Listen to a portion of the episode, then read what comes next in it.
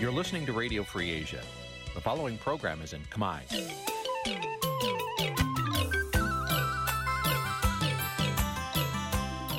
Nǐ chi càm bi tiệp xáy vệt chiu a zì sê ray នេះជាកម្មវិធីផ្សាយរបស់ Vithu Azisaray ជាភាសាខ្មែរ វត្តឈូអាស៊ីសេរីសូមស្វាគមន៍លោកអ្នកនាងទាំងអស់ពីរដ្ឋធានី Washington នៃសហរដ្ឋអាមេរិក បាទខ្ញុំបាទយ៉ងច័ន្ទដារាសូមជម្រាបសួរលោកអ្នកនាងអ្នកស្ដាប់វិទ្យុអាស៊ីសេរីទាំងអស់ជាទីមេត្រីបាទខ្ញុំបាទសូមជូនកម្មវិធីផ្សាយសម្រាប់យប់ថ្ងៃសៅរ៍2រោចខែបោះឆ្នាំថោះបញ្ញស័កពុទ្ធសករាជ2567ដែលត្រូវនឹងថ្ងៃទី27ខែមករាគ្រិស្តសករាជ2024បាទជាដំបូងនេះសូមអញ្ជើញអស់លោកអ្នកនាងស្ដាប់ព័ត៌មានប្រចាំថ្ងៃដែលមានមេត្តាដូចតទៅ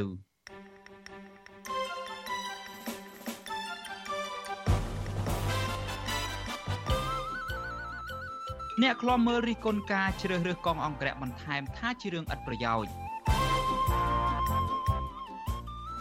ប្រជាពលរដ្ឋមួយចំនួននៅក្នុងខេត្តកំពង់ឆ្នាំងប្រកបរបរឡើងថ្នោតដោះស្រាយជីវភាពគ្រួសារស្រូវរាប់ពាន់ហិកតានៅក្នុងខេត្តកំពង់ឆ្នាំងប្រឈមការខូចខាតដោយសារតែគ្មានទឹកគ្រប់គ្រាន់ បទសម្ភាសជាមួយយុវតីស្ទូតសុឆន្ទៈអង្គការការពារសិទ្ធិមនុស្សពិភពលោកជុំវិញយុទ្ធនាការជួយលើកកម្ពស់សិទ្ធិជនជាតិដើមខ្មែរក្រោមរួមនឹងព័ត៌មានសំខាន់ៗមួយចំនួនទៀត។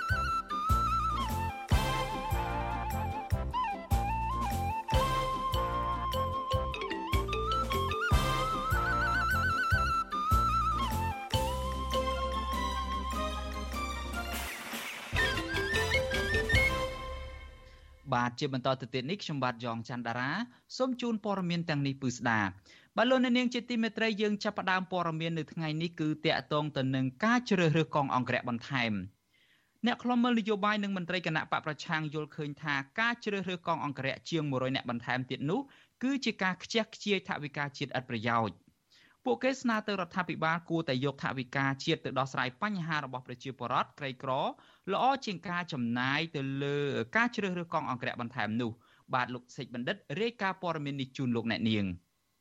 អ្នកអត្ថាធិប្បាយនយោបាយយល់ថាការជ្រើសរើសកងអង្គរៈបន្ថែមនៅពេលនេះគឺដើម្បីបំពេញបន្ថែមនៅកងអង្គរៈចាស់ដែលអតីតនាយករដ្ឋមន្ត្រីលោកហ៊ុនសែនទុកចិត្តហើយដកចេញដោយដាក់ជំនួសមកវិញនៅកម្លាំងថ្មី លោកកឹមសុខបន្តថាក្រមអង្គរៈជាកងកម្លាំងស្នូលសំខាន់មួយ ក្នុងការជួយការពីអំណាចក្រមគ្រួសារលោកហ៊ុនសែន តាមខ្ញុំដឹងកន្លងមកអ្នកដែលគេមិនទុកចិត្តគេ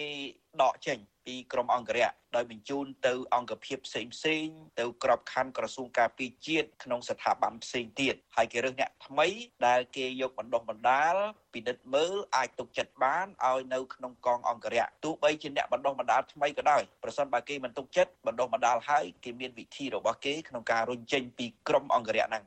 ការលើកឡើងនេះក្រោយពេលលោកនាយករដ្ឋមន្ត្រីហ៊ុនម៉ាណែតចេញសេចក្តីសម្រេចការពីថ្ងៃទី23ខែមករាឲ្យក្រសួងការពារជាតិជ្រើសរើសពលទាហានថ្មីចំនួន111នាក់បន្ថែមសម្រាប់បំពេញក្របខ័ណ្ឌឲ្យបញ្ជាការដ្ឋានអង្គរៈបញ្ជាការដ្ឋានអង្គរៈត្រូវបានបង្កើតឡើងកាលពីថ្ងៃទី4ខែកញ្ញាឆ្នាំ2009ហើយបែងចែកជាច្រើនផ្នែកនិងជាកងឯកភាពផ្សេងផ្សេងក្នុងនោះរួមមានផ្នែកអន្តរាគម ផ្នែកយុទ្ធសាស្ត្រសង្គ្រោះពេទ្យសិល្បៈនិងកសិកម្មជាដើមមេដឹកនាំបញ្ជាការដ្ឋាននេះតែងតែអួតអាងពីភារកិច្ចស្នូលរបស់ខ្លួន គឺការពារសន្តិសុខសวัสดิភាពជូនប្រមុខរដ្ឋាភិបាលភរិយា និងសាច់ញាតិរបស់រដ្ឋាភិបាលជុំវិញរឿងនេះដែរមន្ត្រីជាន់ខ្ពស់គណៈបកសង្គ្រោះជាតិដែលកំពុងរស់នៅប្រទេសអូស្ត្រាលី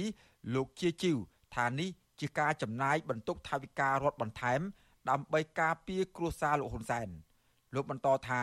ការជ្រើសរើសកងអង្គរៈបន្ថែមនៅពេលនេះទំនងជាលោកហ៊ុនសែនបារម្ភពីសុវត្ថិភាពរបស់គ្រួសារត្រកូលហ៊ុនទើបរដ្ឋាភិបាលចំណាយថវិកាជាតិបែបនេះ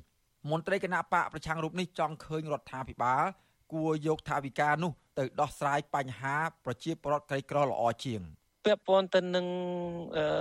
ស្ថាប័នអង្គរៈនឹងខ្ញុំឃើញថាវាអត់មានសារៈប្រយោជន៍បីបំរើស្ថាប័នរាជរដ្ឋាភិបាលអីនោះទេគ្រាន់តែ សម្រាប់តែការពារដល់គ្រួសារត្រកូលហ៊ុននិងខ្សែស្រឡាយសាច់ញាតិក្រុមគ្រួសារហ៊ុនសែនតែប៉ុណ្ណោះបាទជុំវិញរឿងនេះវត្តជូអាស៊ីសេរី នៅពុំទាន់អាចសុំការបកស្រាយពីអ្នកនាំពាក្យក្រសួងការពារជាតិលោកឈុំសុជាតិ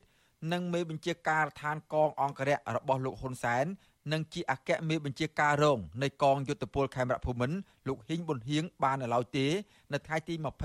មករាចំណែកអ្នកនាំពាក្យគណៈបកប្រជាជនកម្ពុជាលោកសុកអេសានសូមមិនឆ្លើយតបលើរឿងនេះទេអ្នកខ្លោបមើលរិះគន់ថា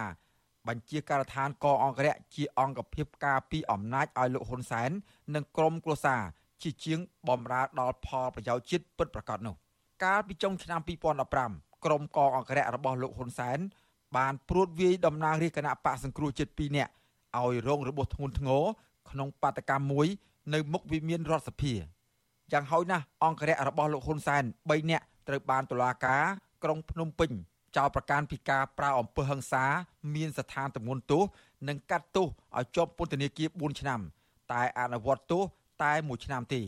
ហើយក្រោយអង្គរៈទាំងនោះអនុវត្តទោសរួចរាល់ពួកគេបានឡើងឋានៈថែមទៀតផងខ្ញុំបាទសេកបណ្ឌិតអាស៊ីសេរីពីរដ្ឋធានីវ៉ាស៊ីនតោន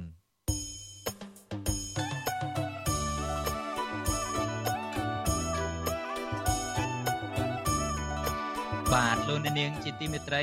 ដំណើរគ្នានឹងស្ដាប់ការផ្សាយរបស់វិទ្យុអាស៊ីសេរីនៅលើបណ្ដាញសង្គម Facebook YouTube និង Telegram លោកអ្នកនាងក៏អាចស្ដាប់ការផ្សាយរបស់យើងតាមវិទ្យុរលកធាតុអាកាសខ្លីបានដែរគឺតាមកម្រិតនិងកម្ពស់ដូចតទៅនេះ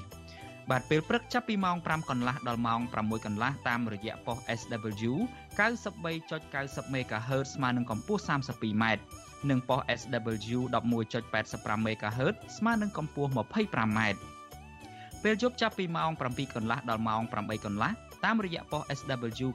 93.30 MHz ស្មើនឹងកម្ពស់ 32m ប៉ុស SW 11.88 MHz ស្មើនឹងកម្ពស់ 25m និងប៉ុស SW 15.15 MHz ស្មើនឹងកម្ពស់ 20m បាទសូមអរគុណ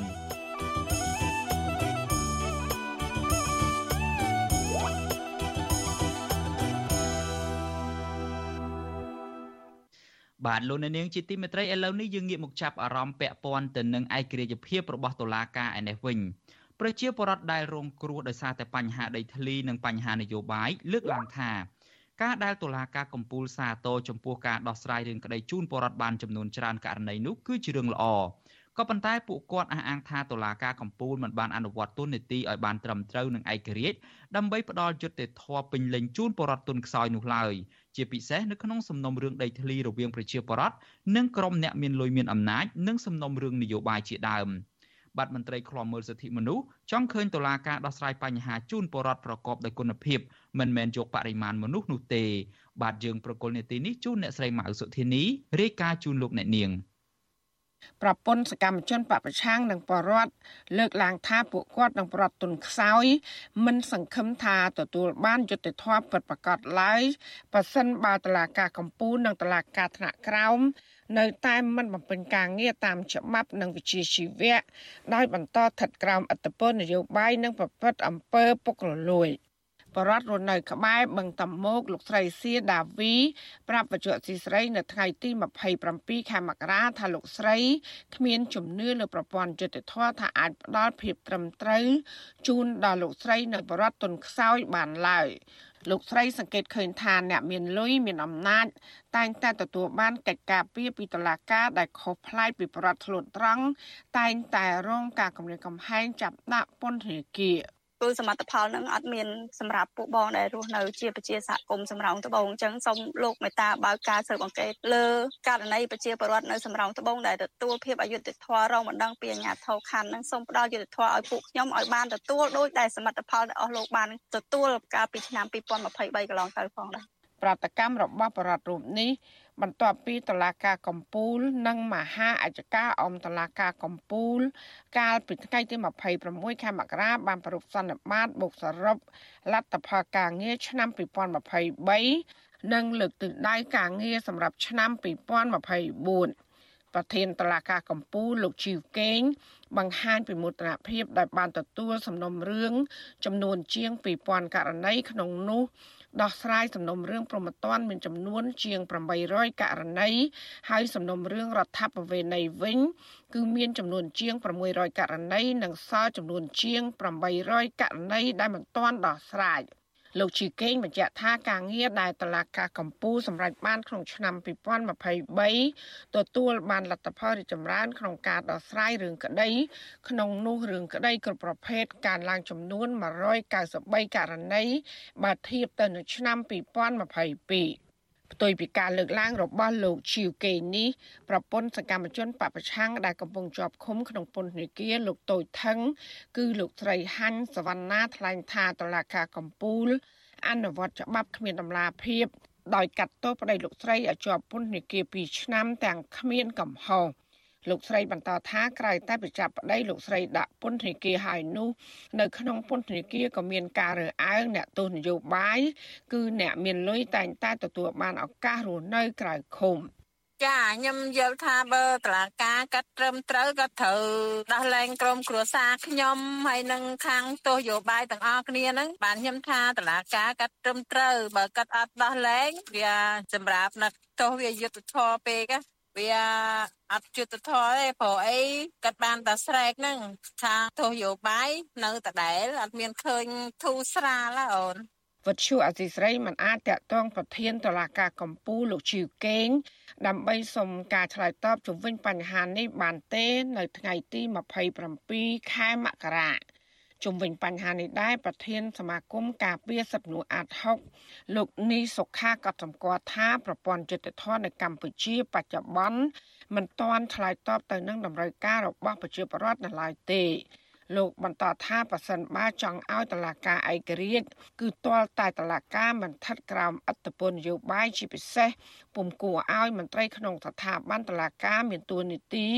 នៅក្នុងជួរគណៈបកនយោបាយនោះឡើយ។ យើងមើលសង្កេតឃើញបញ្ហាយើងបច្ចុប្បន្នគឺថាតឡាការនៅមិនទាន់មានឯករាជ្យភាពឲ្យបានត្រឹមត្រូវទៅឡើយទេក្នុងការចាត់វិធានការរឿងក្តីពិសេសគឺរឿងក្តីដែលមានការពាក់ព័ន្ធទៅនឹងរឿងរឿងប្រមត្តនរឿងអីនយោបាយរឿងអីហ្នឹងក៏ថាយើងឃើញថាតឡាការនៅមិនទាន់ឈរទៅលើឯករាជ្យទេដោយសារតែយើងឃើញថាសមាជិកតឡាការមួយចំនួនលោកនៅក្នុងជួរនៃគណៈបកនយោបាយមួយ ប្រព័ន្ធតុលាការនៅកម្ពុជាត្រូវបានគេមើលឃើញថាមិនឯករាជ្យនោះឡើយព្រមន្ត្រីជាន់ខ្ពស់រាប់ចាប់ពីឧត្តមក្រុមប្រឹក្សានៃអង្គចៅក្រមរហូតដល់ចៅក្រមបរិយាអញ្ញាចៅក្រមស៊ើបសួរនិងសូម្បីតែគណៈមេធាវីភាគច្រើនគឺជាសមាជិករបស់គណៈបកប្រជាជនកម្ពុជា ដែលមានលោកហ៊ុនសែនជាប្រធានគណៈបក ជាក់ស្ដែងលោកហ៊ុនសែនបានប្រើប្រាស់ប្រព័ន្ធតុលាការកម្ពុជាដើម្បីរំលាយគណៈបកសង្គ្រោះជាតិកាលពីឆ្នាំ2017ហើយសកម្មជនបពប្រឆាំងរាប់រយនាក់ត្រូវបានឃាត់ខ្លួននិងកាត់ទោសដាក់ពន្ធនាគារជាបន្តបន្ទាប់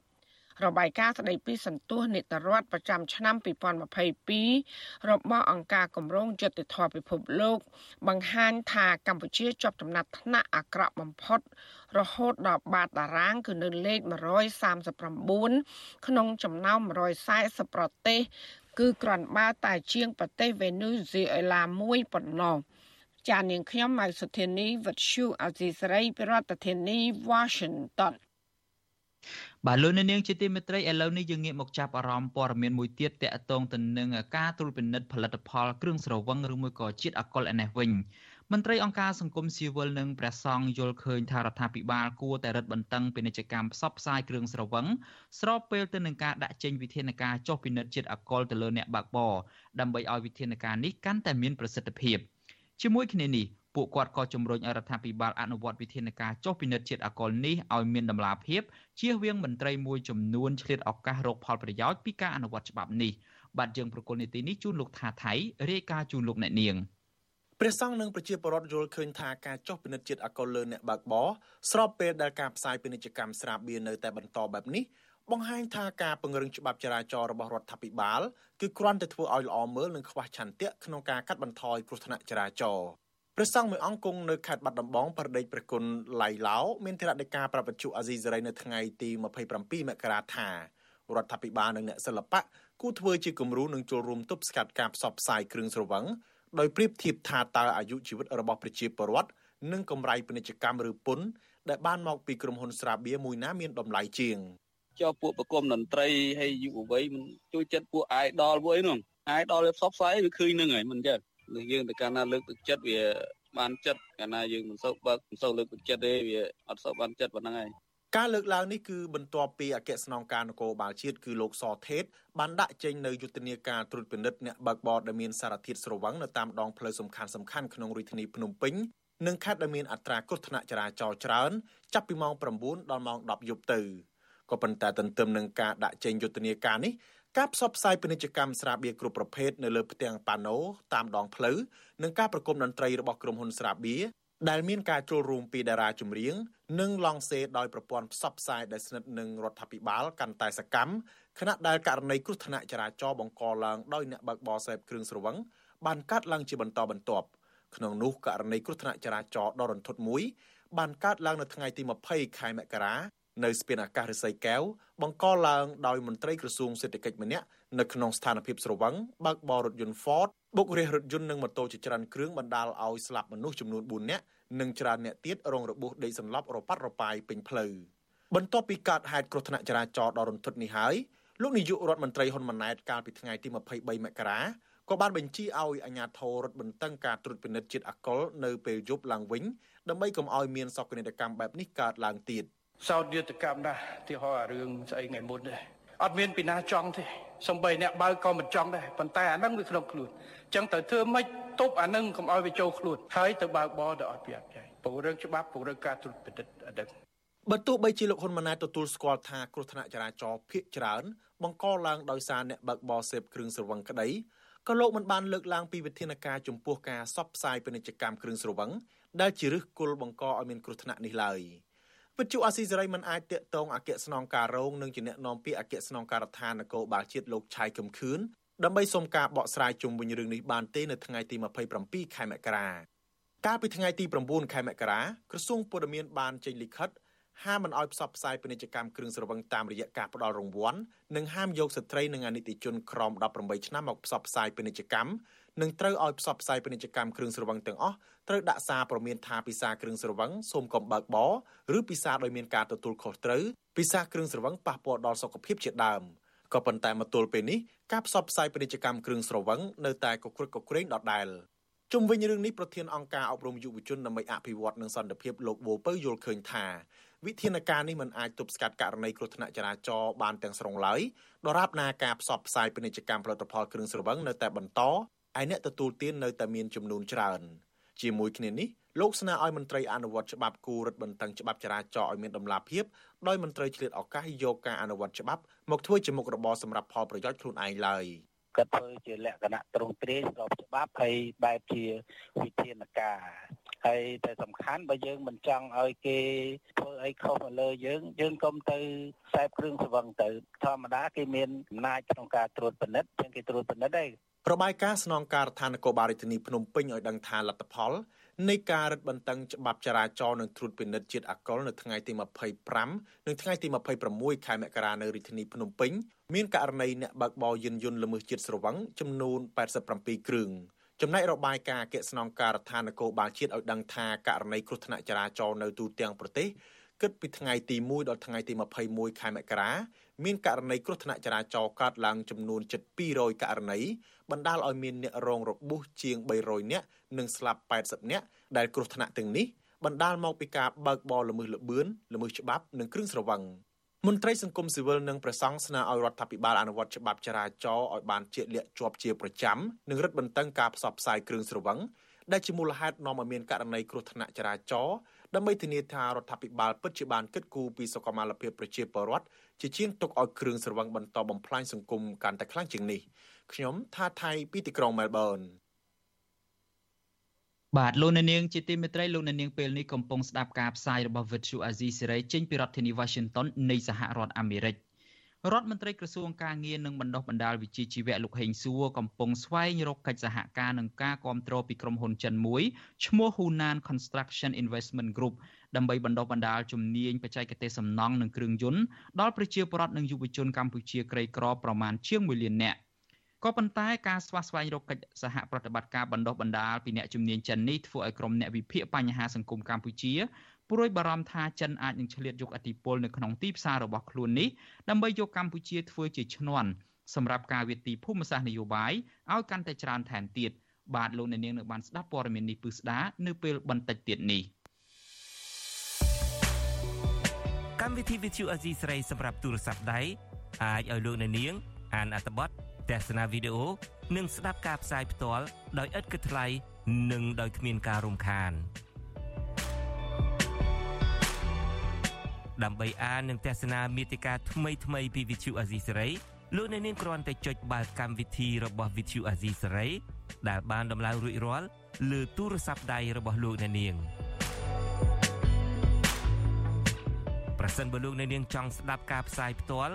ឬការផ្សាយចាស់ចាស់សូមចុចលើប៊ូតុងរូប Vithu ដែលស្ថិតនៅផ្នែកខាងក្រោមនៃកម្មវិធីជាការស្រេច។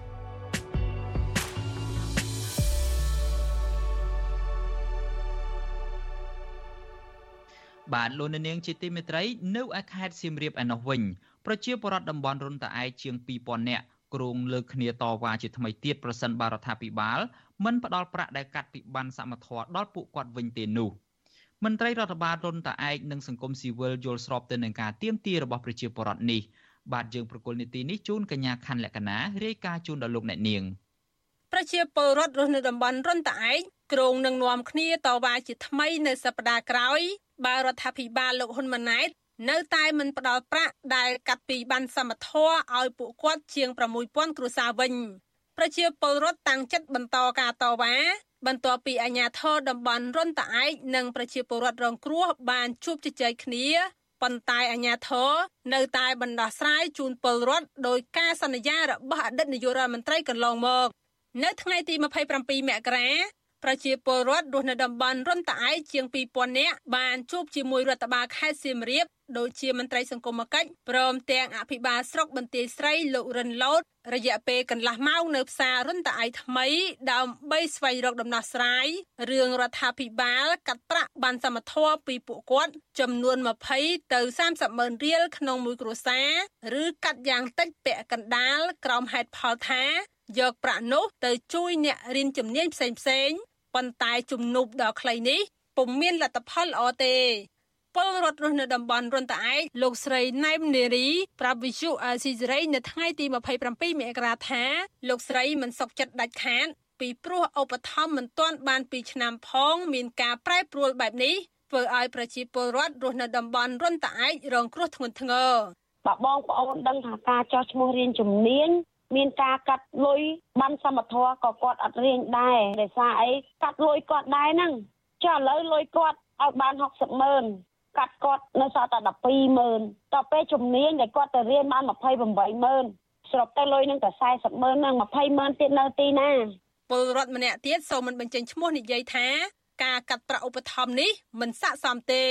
លោកស្រីថាប្រជាពលរដ្ឋរស់នៅតំបន់រុនតាឯកជាង99%ហើយដែលប្រឈមទាំងបញ្ហាជីវភាពប្រចាំថ្ងៃនិងជំពាក់បំណុលហើយបំណុលនេះកាន់តែកើនវ័នកដោយសារតែការផ្លាស់ប្ដូរទៅរស់នៅតំបន់រុនតាឯកពួកគាត់ត្រូវខ្ចីបំណុលបន្ថែមទៀតដើម្បីសាងសង់ផ្ទះ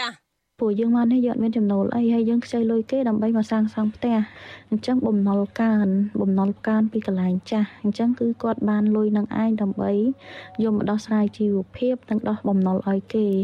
ព្រោះនៅពេលដែលយើងស្ម័គ្រចិត្តមកខាងរដ្ឋាភិបាលគឺគាត់ឲ្យតែដីហើយនៅបានក្រីក្រទេគាត់អត់បានឲ្យលំនៅឋានរបស់ប្រជាពលរដ្ឋទេអញ្ចឹងប្រជាពលរដ្ឋគឺគាត់ប្រើវិធីសាស្ត្រនៅថាយកបានក្រីក្រទៅដាក់បញ្ចាំដើម្បីទទួលបានលុយមកសាងសង់ផ្ទះ ចឹងបើពួកគាត់កាត់អស់អញ្ចឹងគ្នាបានលុយណាទៅឡើងឲ្យអត្រាការប្រាក់ប្រចាំខែរបស់គេនោះពលរដ្ឋរស់នៅរុនតាឯកលោកមុតខុនប្រាប់វិសុអាស៊ីសេរីនៅថ្ងៃទី27មករាថាពួកគាត់គ្រងនឹងនាំគ្នាប្រមូលផ្ដុំជាថ្មីទៀតដែលអាចនឹងឡើងទៅតវ៉ាដល់ខេត្តពីព្រោះសប្តាហ៍ថ្ងៃពួកគាត់រស់នៅតំបន់រុនតាឯករកចំណូលមិនបានដូច្នេះបើរដ្ឋាភិបាលកាត់ប្រាក់ពីបានសមត្ថភាពដោយកាត់ផ្តាច់ជីវិតរបស់ពួកគាត់ទាំងអស់គ្នា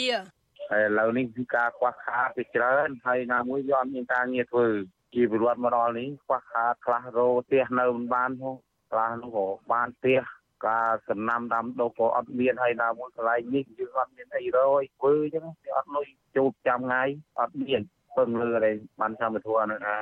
យកគាត់ផ្ដាច់ទាំងទៀតបងប្អូនប្រជាពលរដ្ឋនេះខ្លះនឹងអត់អត់តែមែនទេមិនអត់ធម្មតាទេអត់តែមែនទេ វិទ្យុអស៊ីស្រីមិនអាចសូមការអធិប្បាយបញ្ហានេះពីអភិបាលខេត្តសៀមរាបលោកប្រាក់សុភ័ណ្ឌនិងប្រធានអង្គភិបអ្នកណែនាំពាក្យរដ្ឋាភិបាលលោកប៉ែនបូណាបានទេនៅថ្ងៃទី27មករាដោយទូរស័ព្ទចូលគ្មានអ្នកទទួលយ៉ាងណាមន្ត្រីឃុំរុនតាឯកម្នាក់ដែលសូមមិនបញ្ចេញឈ្មោះនិងសម្លេងប្រាប់វិសុអស៊ីសេរីនៅថ្ងៃទី27មករាថា លោកក៏យល់ស្របនឹងការតវ៉ារបស់ប្រជាពលរដ្ឋដែរពីព្រោះចំណាត់ការចុងក្រោយនេះរបស់អាជ្ញាធរផ្ទុយពីការសន្យារបស់អតីតនាយករដ្ឋមន្ត្រីលោកហ៊ុនសែន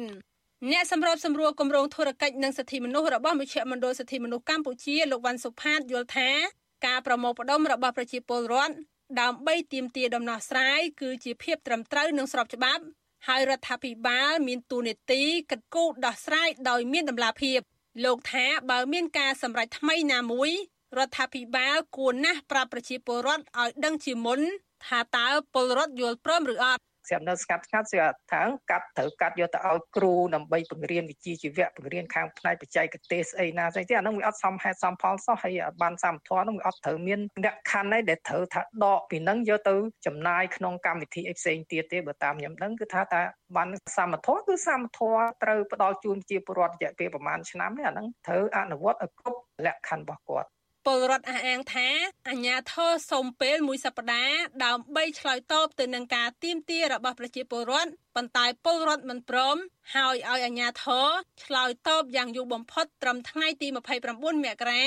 បើមិនដូច្នោះទេ ពួកគាត់នឹងឡើងទៅតវ៉ាដល់អាញាធរខេត្តខ្ញុំខណ្ឌលក្ខណាវុទ្ធុអសីសេរី បាទលោកនាងជាទីមេត្រីយើងចេញពីខេត្តសៀមរាបទៅចាប់អារម្មណ៍ពាក់ព័ន្ធទៅនឹងបញ្ហារបស់ពលរដ្ឋនៅក្នុងខេត្តកំពង់ឆ្នាំងវិញនៅឯខេត្តកំពង់ឆ្នាំងឯណោះលោកនៅវណ្ណរិនបានរាយការណ៍មកថាស្រូវរាប់ពាន់ហិកតារបស់ប្រជាកសិករនៅក្នុងស្រុកចំនួន4កំពុងប្រឈមមុខទៅនឹងការខូចខាតទាំងស្រុងដោយសារតែគ្មានទឹកចំណែកឯកសិករខ្លះទៀតត្រូវទិញទឹកដើម្បីធ្វើស្រែមន្ត្រីអង្គការសង្គមស៊ីវិលលើកឡើងថាអាជ្ញាធរពាក់ព័ន្ធគួរតែរៀបចំផែនការគ្រប់គ្រងទឹកឲ្យបានត្រឹមត្រូវ ដើម្បីសង្គ្រោះស្រូវប្រាំងនិងដោះស្រាយជីវភាពកសិករឲ្យបានល្អប្រសើរបាទសូមលោកអ្នកនាងទស្សនាសេចក្តីរាយការណ៍នេះជាវីដេអូរបស់លោកនៅវណ្ណរិនដូចតទៅ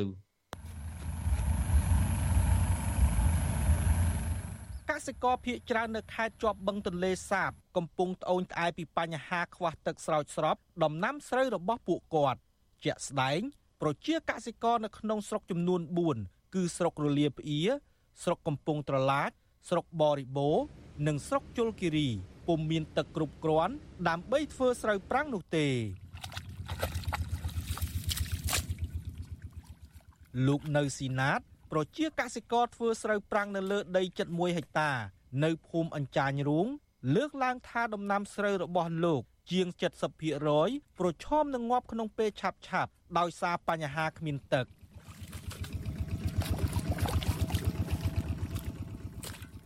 ឆ្នាំនេះគឺច្រើនសឹងថាអ្នកដែលធ្វើស្រូវប្រាំងគឺសឹងអាចង់ទាំងអស់ឬកំបាស់ទឹកហើយដូចខ្ញុំនៅប៉ែកខាងលើនឹងវាអាចថារំដោះក្នុង10ថ្ងៃឲ្យបានតាក់តិចចឹងប៉ុន្តែនៅខាងក្រោមគឺ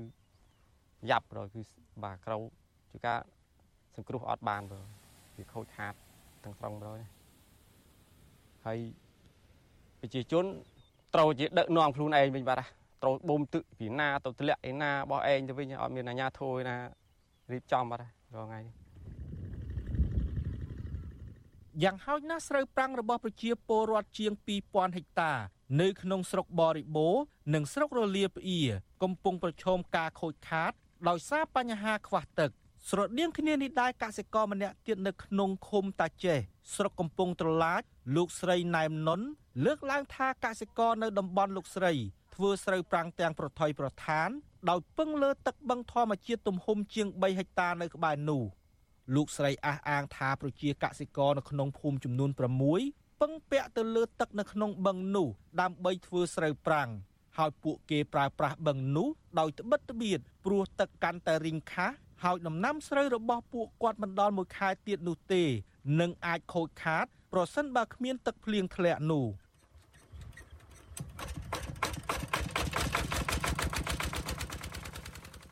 អាច ខាតបងច្រើនណាបើអត់មានទឹកភ្លៀងហើយទឹកបឹងគូបាអត់បានអញ្ចឹងស្វិតហ្នឹងឯងបានអីបើយើងធ្វើស្រែដែលសង្ឃឹមទឹកបើយើងបាទឹកបលាយបូមទឹកអត់បានអត់បានអីទេស្វិតដែរបើទឹកបឹងរីងស្វិតដែរឈូក្នុងបឹងក៏អត់បានដែរឆ្នាំហ្នឹងបើទឹកបឹងរីងយ៉ាងហ្នឹងសលេតអស់ហើយទឹកបឹងនៅត្រឹមជង្គង់ហ្នឹង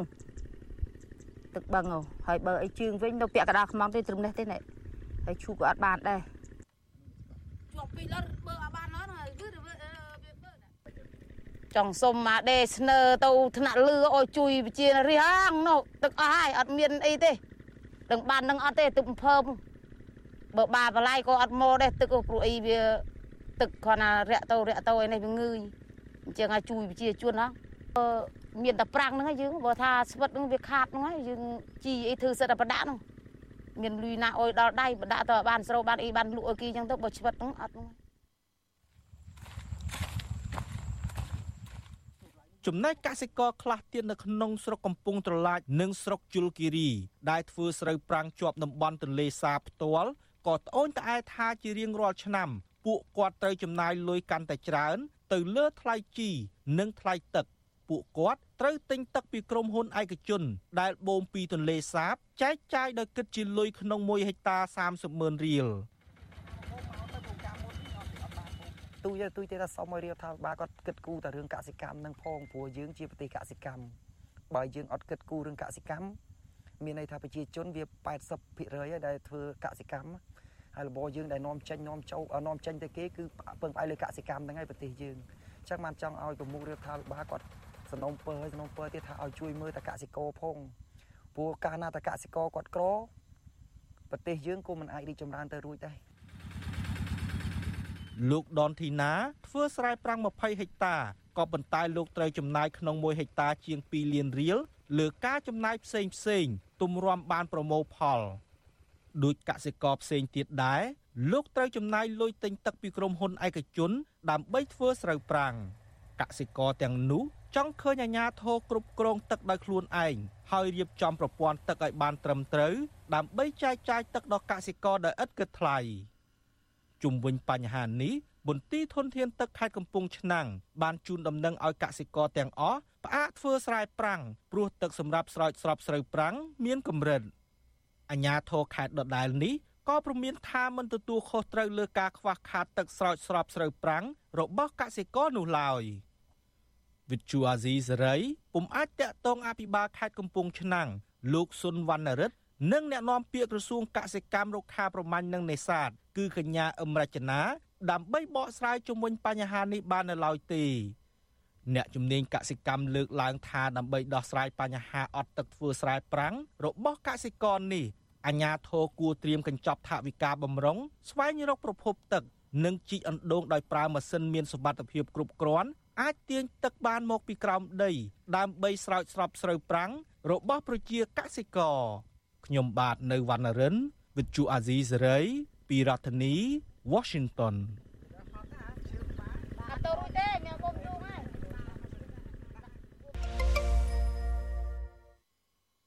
បាទលោកនាងជាទីមេត្រីនៅក្នុងខេត្តកំពង់ឆ្នាំងនេះដែរគឺតាក់ទងទៅនឹងប្រជាពលរដ្ឋមួយចំនួនដែលឡើងថ្នោតឯនោះវិញប្រជាពលរដ្ឋដែលដឹងថាពួកគាត់ប្រកបរបរឡើងថ្នោតយកទឹកថ្នោតធ្វើស្ករលក់ដើម្បីផ្គត់ផ្គង់គ្រួសារនេះ គឺដោយសារតែពួកគាត់ពុំមានដីស្រែចម្ការអាស្រ័យផលដោយប្រជាពលរដ្ឋមួយចំនួនទៀតហើយប្រជាពលរដ្ឋដែលកំពុងតែប្រកបរបរឡើងថ្នោតនេះគឺស្ថិតនៅក្នុងឃុំតាចេះខេត្តកំពង់ឆ្នាំងពួកគាត់បានដឹងថាបច្ចុប្បន្ននេះតម្លៃស្ករត្នោតធ្លាក់ចុះដែលធ្វើឲ្យពួកគាត់មានការលំបាកកាន់តែខ្លាំងនៅក្នុងការដោះស្រាយជីវភាពប្រចាំថ្ងៃនោះបាទយើងប្រកុលនីតិនេះជូនអ្នកស្រីសុជីវីរាយការណ៍ព័ត៌មាននេះជាវីដេអូជូនលោកអ្នកនាង មុខរបរជាអ្នកឡើងថ្នោតយកទឹកថ្នោតធ្វើស្ករលក់បានជួយដល់ជីវភាពពលរដ្ឋជាច្រើននៅក្នុងភូមិលពីងស្រុកកំពង់ត្រឡាចបន្ទាប់ពីមុខរបរធ្វើស្រែចម្ការ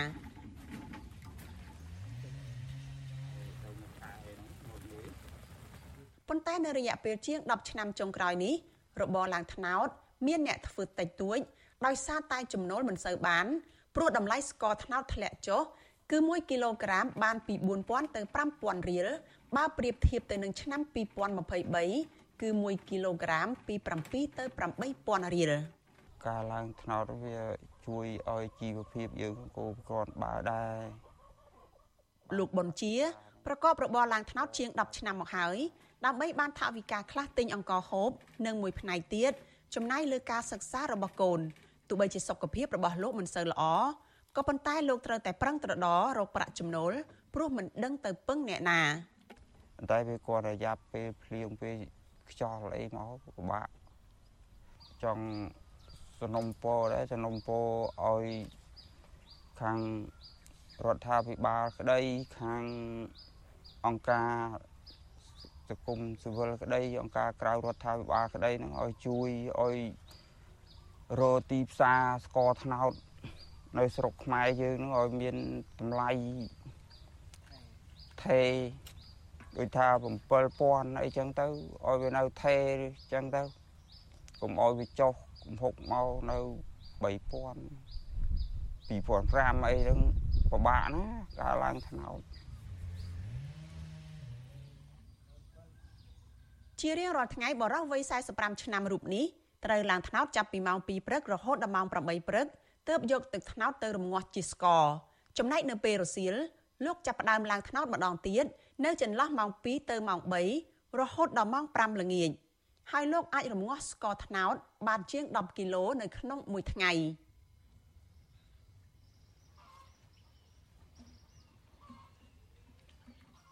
អ្នកឡើងថ្នោតម្នាក់ទៀតលោកសាយសុងដែលបានចាប់អាជីពជាអ្នកឡើងថ្នោតជិត20ឆ្នាំមកហើយឲ្យដឹងថា ស្ករត្នោតពុំសូវមានទីផ្សារច្រើននោះទេត្បិតថារបរនេះមានមកជាយូរមកហើយក្តីប៉ុន្តែតម្លៃស្ករត្នោតវិញបន្តធ្លាក់ចុះលោកថាពលរដ្ឋអាចលក់ស្ករឲ្យឈ្មោះនៅក្នុង1គីឡូក្រាម4000រៀលទៅ5000រៀលប៉ុណ្ណោះដូច្នេះតម្លៃនេះហាក់ពុំស្មើនឹងកម្លាំងពលកម្មនោះទេឲ្យបានស្ករត្នោតនឹងឲ្យបានឡើងថ្លៃមកគូលទ្ធភាពយើងគូវិធូធាទៅតាមនឹងដែរមានកម្លាំងឡើងទៅទៀតអញ្ចឹងទៅវា បើយើងជីវភាពវានៅនេះអញ្ចឹងបាក់ដែរហ្នឹងនៅ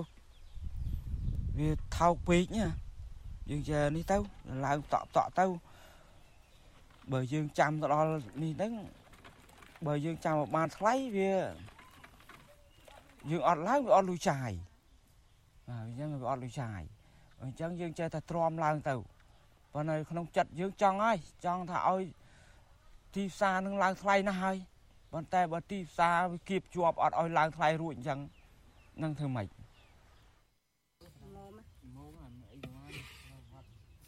ប្រជាពលរដ្ឋនៅក្នុងភូមិលពីងស្រុកកំពង់ត្រឡាចនាពេលបច្ចុប្បន្នមានអ្នកប្រកបរបរឡើងថ្នោតធ្វើស្ករលក់ប្រហែល10គ្រួសារដែលខុសពី10ឆ្នាំមុនរបរនេះមានពលរដ្ឋធ្វើស្ទើរគ្រប់គ្រួសារបន្ទាប់ពីរបរស្រែចម្ការរបស់ពួកគាត់ប៉ុន្តែចាប់តាំងពីដីស្រែរបស់ពួកគាត់ត្រូវអ្នកមានលុយមានអំណាចទន្ទ្រានយកអស់ទៅ បណ្ដាលឲ្យអ្នកខ្លះគ្មានដីអាស្រ័យផល ហើយធ្វើចំណាក់ស្រុក ទៅធ្វើការរោងចក្រនិងខ្លះទៀតទៅធ្វើការសំណង់នៅប្រទេសថៃនាងខ្ញុំសុជីវីវិទ្យុអាស៊ីសេរី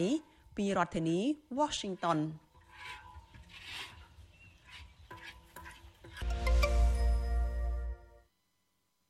បាទលោកអ្នកនាងជាទីមេត្រីឆ្លៀតនៅក្នុងឱកាសនេះខ្ញុំបាទសូមជម្រាបជូនលោកអ្នកនាងថាវិទ្យុអាស៊ីសេរីបានទទួលសំណូមពរពីប្រិយមិត្តអ្នកស្ដាប់របស់យើងច្រើនណាស់តាក់ទងទៅនឹងរឿងដាក់ចំណងជើងដែលមានលក្ខណៈផ្ទុយពីខ្លឹមសារនៃព័ត៌មានឧទាហរណ៍ថា Vivo ហើយលោកហ៊ុនសែនត្រូវតុលាការព្រហ្មទណ្ឌអន្តរជាតិ ICC យកទៅកាត់ទោសជាដើមក៏ប៉ុន្តែនៅពេលដែលលោកអ្នកនាងចុចស្ដាប់ទៅគឺថាមិនលឺនាយអំពីរឿងនេះសោះ បាទខ្ញុំបាទសូមជម្រាបជូនលោកអ្នកនាងថាការដាក់ចំណងជើងដែលខុសពីខ្លឹមសារទាំងនេះគឺជាការបោកប្រាស់របស់ក្រុមរកស៊ីតាម YouTube ដើម្បីរកលុយតែប៉ុណ្ណោះបាទពួកគេបានលួចយកខ្លឹមសារនៃការផ្សាយរបស់វិទ្យុអាស៊ីសេរីទៅកាត់តរួចក៏បដូរចំណងជើងទៅតាមរបៀបប្លែកៗដែលហួសហេតុខុសពីការពិតនៅក្នុងគោលបំណងតាក់ទាញចិត្តរបស់លោកអ្នកនាងកញ្ញាឲ្យទៅចុចស្ដាប់ឬមួយក៏ទស្សនា ដើម្បីពួកគេទទួលបាន view ឬមួយក៏ចំនួនទស្សនាបានកាន់តែច្រើនហើយប្រសិនបើលោកអ្នកនាងចុចស្ដាប់កាន់តែច្រើនទៅពួកគេក៏រកប្រាក់បានច្រើនទៅតាមនោះដែរបាទវិទ្យុអាស៊ីសេរីមិនដែលដាក់ចំណងជើងខុសពីខ្លឹមសារបែបនេះទេលោកអ្នកនាងកញ្ញាអាចចូលរួមទប់ស្កាត់ការបោកប្រាស់ទាំងអស់នេះបានដោយឈប់ចុចស្ដាប់ឬមួយក៏ឈប់ចុចទស្សនាការចុះផ្សាយណាដែលដាក់ចំណងជើងខុសប្លែកគួរឲ្យសង្ស័យទាំងនេះ ជាពិសេសទៅទៀតនោះប្រសិនបើលោកអ្នកនាងចង់ស្ដាប់ឬមួយក៏ទស្សនាការផ្សាយពិតរបស់វិទ្យុអាស៊ីសេរី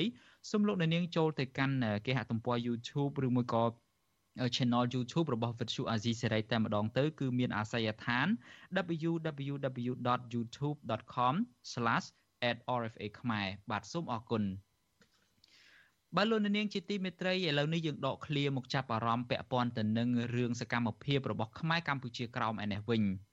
អតីតជនភៀសខ្លួនខ្មែរក្រោមអ្នកនាងកឹមពុទ្ធិនីបច្ចុប្បន្នគឺជាទូតសុឆន្ទៈយុវជន របស់អង្គការការពារសិទ្ធិមនុស្សពិភពលោក ដែលជាភាសាអង់គ្លេសហៅថា Global Human Rights Defense ដែលជាផ្នែកមួយនៃអង្គការសហប្រជាជាតិដែលមានមូលដ្ឋាននៅប្រទេសហូឡង់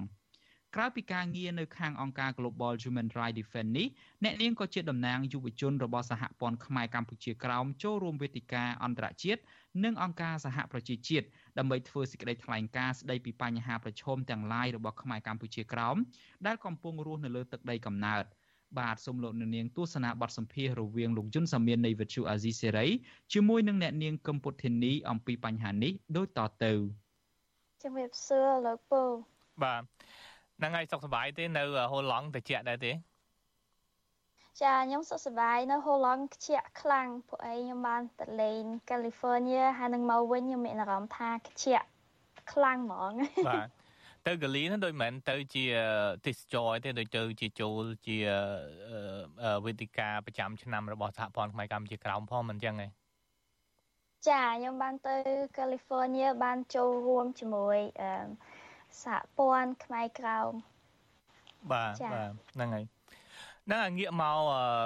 អឺកិច្ចសម្ភាររបស់យើងវិញហ្នឹងអឺ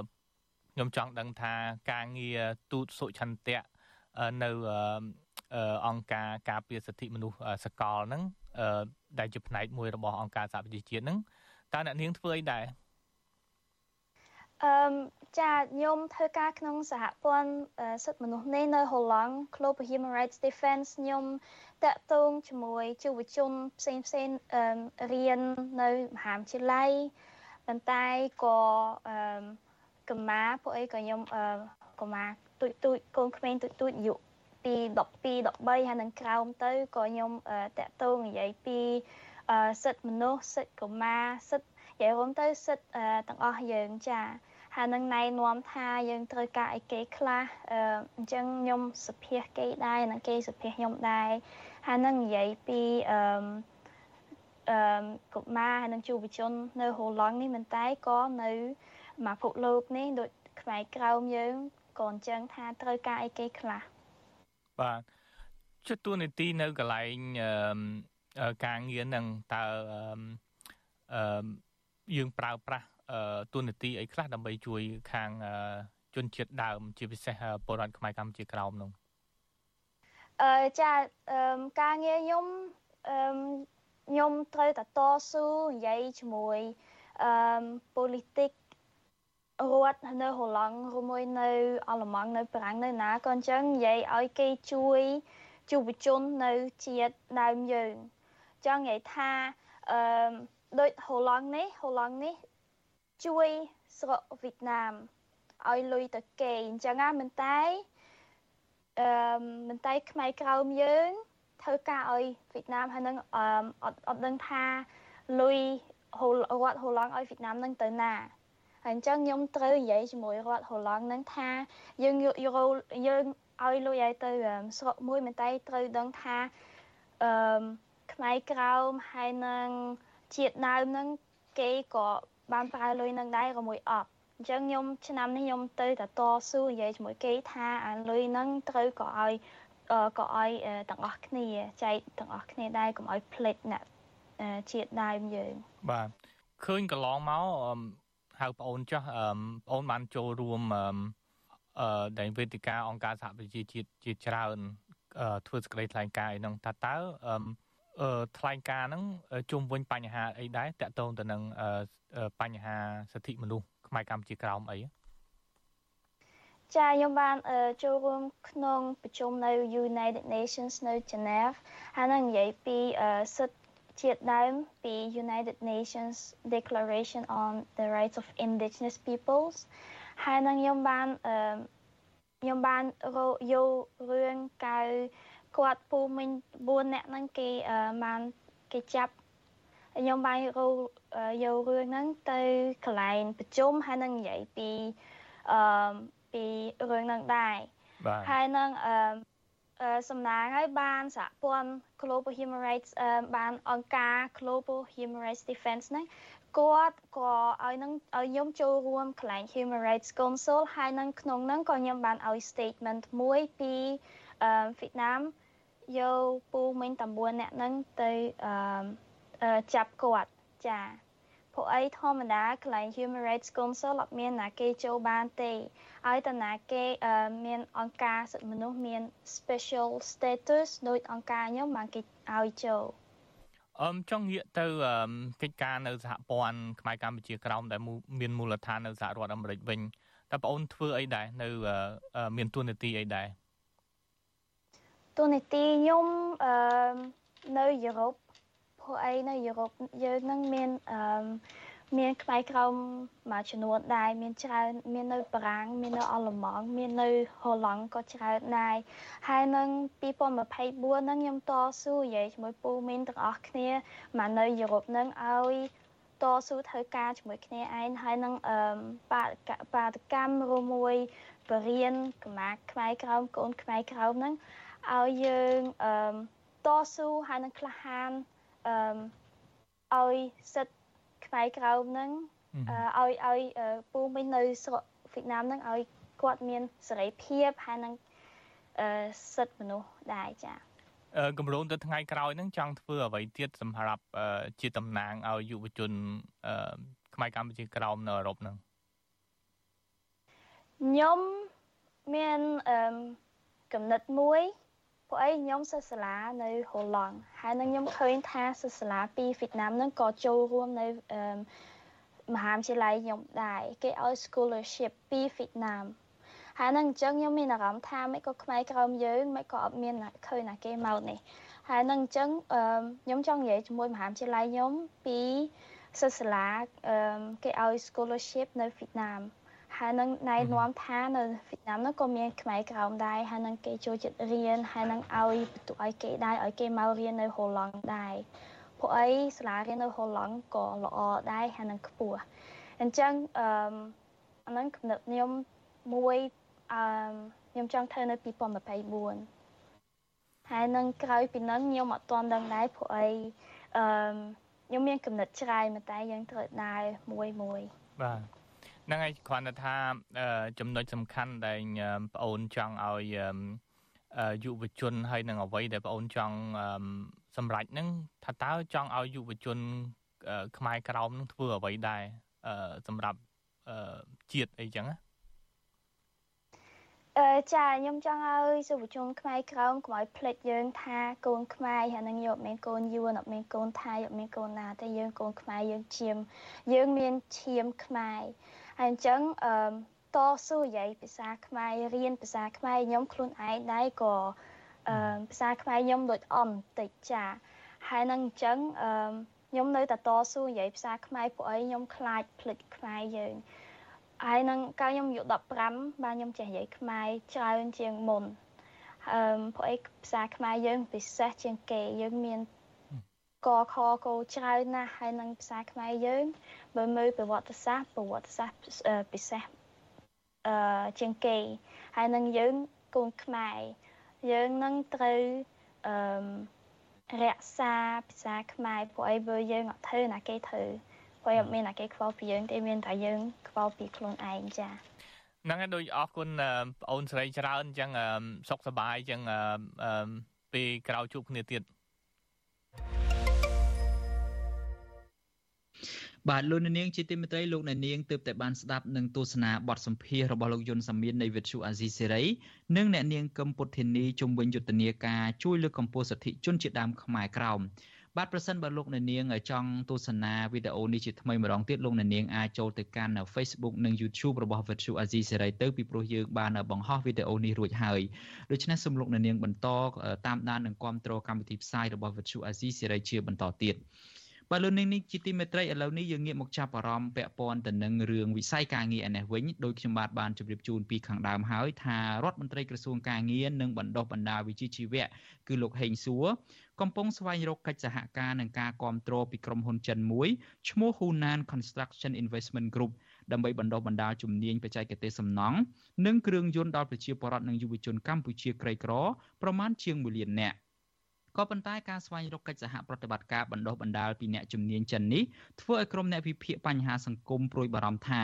ចិននឹងអាចឆ្លៀតយកអធិបុលក្នុងទីផ្សាររបស់ខ្លួនដើម្បីយកកម្ពុជាធ្វើជាឈ្នន់សម្រាប់ការវិទីភូមិសាស្ត្រនយោបាយឲ្យកាន់តែខ្លាំងជាងនេះថែមទៀតបាទយើងប្រកុលនីតិនេះជូនលោកសេកបណ្ឌិតរាយការណ៍ជូនលោកអ្នកនាងដូចតទៅអ្នកវិភាគបញ្ហាសង្គមនិងនយោបាយយល់ឃើញថាបើសិនជារដ្ឋាភិបាលកម្ពុជា មានចក្ខុវិស័យស្ដារលទ្ធិប្រជាធិបតេយ្យនិងសិទ្ធិមនុស្សឲ្យបានពេញលេញឡើងវិញនោះកម្ពុជាមិនចាំបាច់ទៅពឹងពាក់ក្រុមហ៊ុននិងខ្ចីលុយចិនយកមកបណ្ដុះបណ្ដាលជំនាញនានាដល់ពលរដ្ឋនិងយុវជននោះទេ គឺស្ថាប័នអន្តរជាតិព្រមទាំងបណ្ដាប្រទេសលោកសេរីជាច្រើនអាចនឹងជួយបណ្ដុះបណ្ដាលជំនាញព្រមទាំងវិនិយោគទុនផង ជួយឲ្យកម្ពុជាចាក់ចេញពីភាពក្រីក្របានអ្នកវិភាគបញ្ហាសង្គមនិងនយោបាយលោកកឹមសុខ មានប្រសាសន៍ថាបច្ចុប្បន្ននេះរដ្ឋាភិបាលដែលដឹកនាំដោយលោកហ៊ុនម៉ាណែតមិនមានឆន្ទៈស្ដារប្រជាធិបតេយ្យនិងគោរពសិទ្ធិមនុស្សឲ្យបានពេញលេញនៅកម្ពុជាឡើងវិញទេ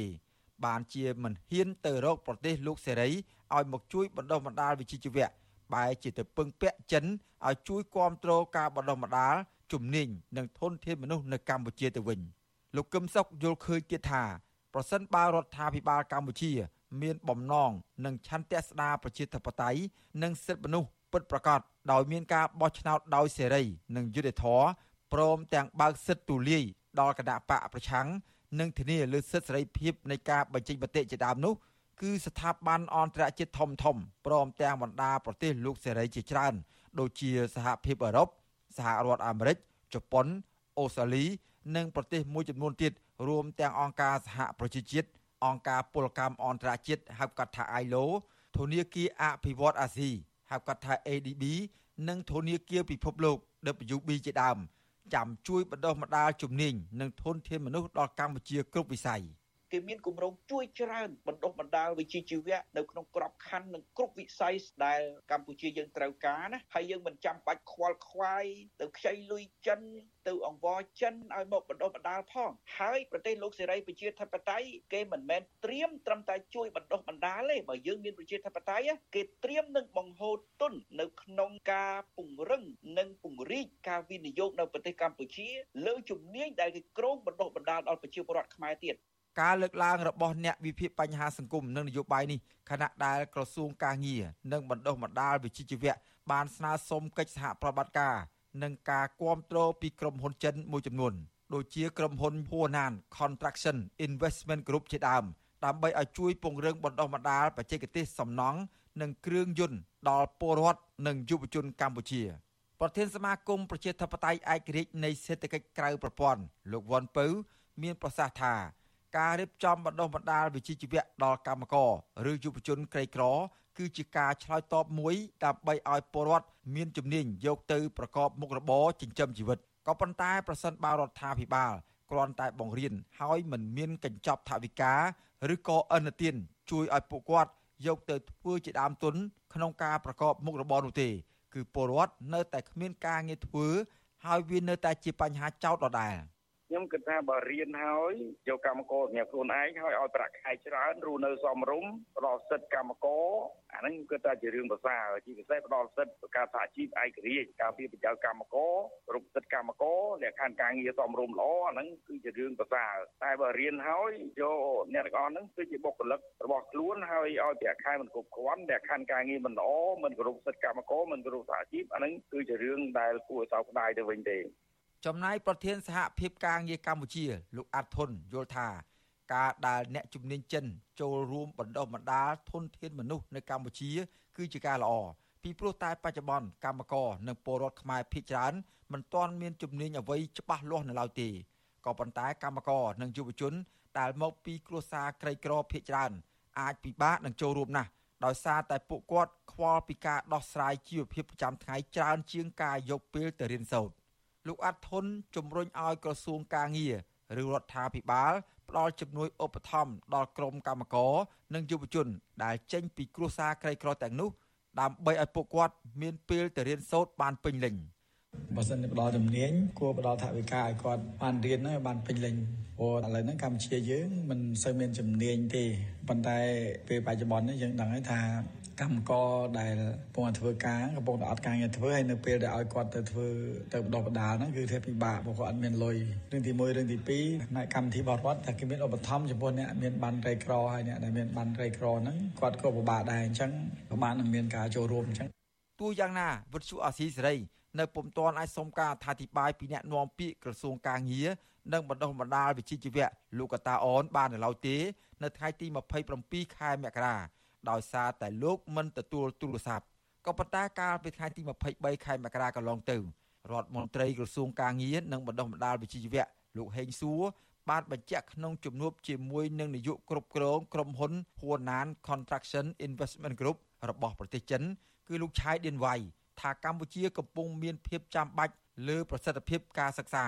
ការជួយកែលម្អការបណ្ដុះបណ្ដាលគ្រូបង្គោលនិងការពង្រឹងគុណភាពសមត្ថភាពតាមរយៈកម្មវិធីបណ្ដុះបណ្ដាលបច្ចេកទេសផ្នែកសំណង់និងគ្រឿងយន្តដល់យុវជនចំនួន1លាន5សែននាក់ដែលមកពីគ្រួសារក្រីក្រ និងងាយរងគ្រោះអ្នកសិក្សាកិច្ចការសង្គមនិងនយោបាយលោកប៉ោមករាយល់ឃើញថា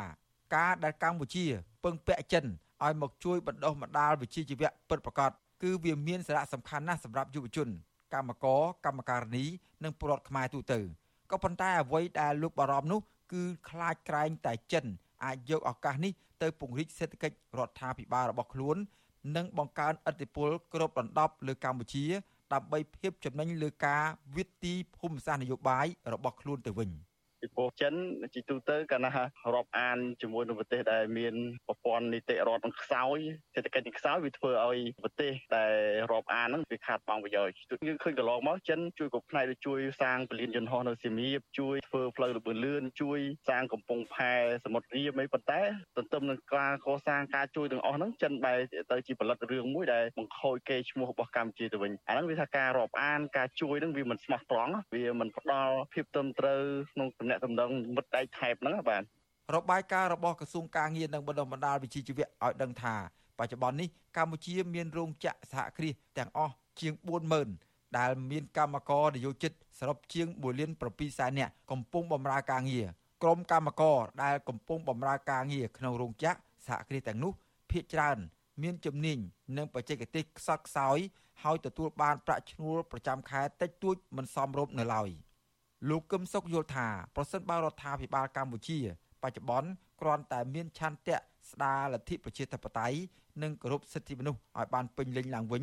គឺកម្ពុជា មិនចាំបាច់ខ្វល់ខ្វាយរឿងខ្ចីលុយនឹងទៅអង្វរចិនឲ្យមកជួយបណ្ដុះបណ្ដាលជំនាញវិជ្ជាជីវៈនោះទេ មានន័យថាស្ថាប័នអន្តរជាតិធំធំព្រមទាំងបណ្ដាប្រទេសលោកសេរីជាច្រើន កំពុងត្រៀមខ្លួនចាំជួយបណ្ដុះបណ្ដាលគ្រប់វិស័យ ដែលកម្ពុជាត្រូវការព្រមទាំងបង្ហូរទុនមកវិនិយោគលើជំនាញដែលកម្ពុជាមានរកទីផ្សារលក់ផលិតផលធ្វើឲ្យកម្មករទទួលបានប្រាក់ខែខ្ពស់សមរម្យជីវភាពរស់នៅប្រសើរឡើង និងរួចចាក់ផុតពីភាពក្រីក្របានផងដែរ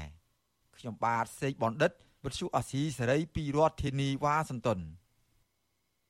បាទលោកនាងជាទីមេត្រីតកតងទៅនឹងរឿងគ្រឿងញៀនឯនេះវិញ យុវជនជាជនរងគ្រោះពីបញ្ហាគ្រឿងញៀនមួយចំនួននៅក្នុងខេត្តបាត់ដំបងស្នើដល់យុវជនដទៃទៀតឲ្យនៅឆ្ងាយពីគ្រឿងញៀនដើម្បីអនាគតខ្លួនឯងគ្រួសារនិងសង្គមជាតិការលើកឡើងបែបនេះគឺកើតចេញពីបទពិសោធន៍ដែលពួកគាត់បានឆ្លងកាត់ហើយណែនាំយុវជនដទៃទៀតកុំចង់សាកល្បងនៅអ្វីដែលសង្គមមិនឲ្យតម្លៃនោះថាតើមានអ្វីកើតឡើងនៅមុនពេលអំឡុងពេលនិងក្រោយពេលដែលជនរងគ្រោះទាំងនោះបានប៉ះពាល់គ្រឿងញៀននោះ បាទលោកអ្នកនាងនឹងបានស្ដាប់សេចក្តីរាយការណ៍នេះពឺស្ដាររបស់លោកជាតិចំណាននៅក្នុងកម្មវិធីផ្សាយរបស់យើងនៅព្រឹកស្អែកបាទលោកអ្នកនាងជាទីមេត្រីមកដល់ត្រឹមនេះការផ្សាយរយៈពេល1ម៉ោងរបស់វិទ្យុអាស៊ីសេរីនៅយប់នេះឈានចូលមកដល់ទីបញ្ចប់ហើយខ្ញុំបាទយ៉ងច័ន្ទដារាព្រមទាំងក្រុមការងារទាំងអស់នៃវិទ្យុអាស៊ីសេរីសូមអរគុណនិងសូមជូនពរដល់លោកអ្នកនាងទាំងអស់ឲ្យជួបប្រកបតែនឹងសេចក្តីសុខចម្រើនរុងរឿងកុំបីឃ្លៀងឃ្លាតឡើយបាទខ្ញុំបាទសូមអរគុណនិងសូមជម្រាបលារាត្រីសួស្តី thank you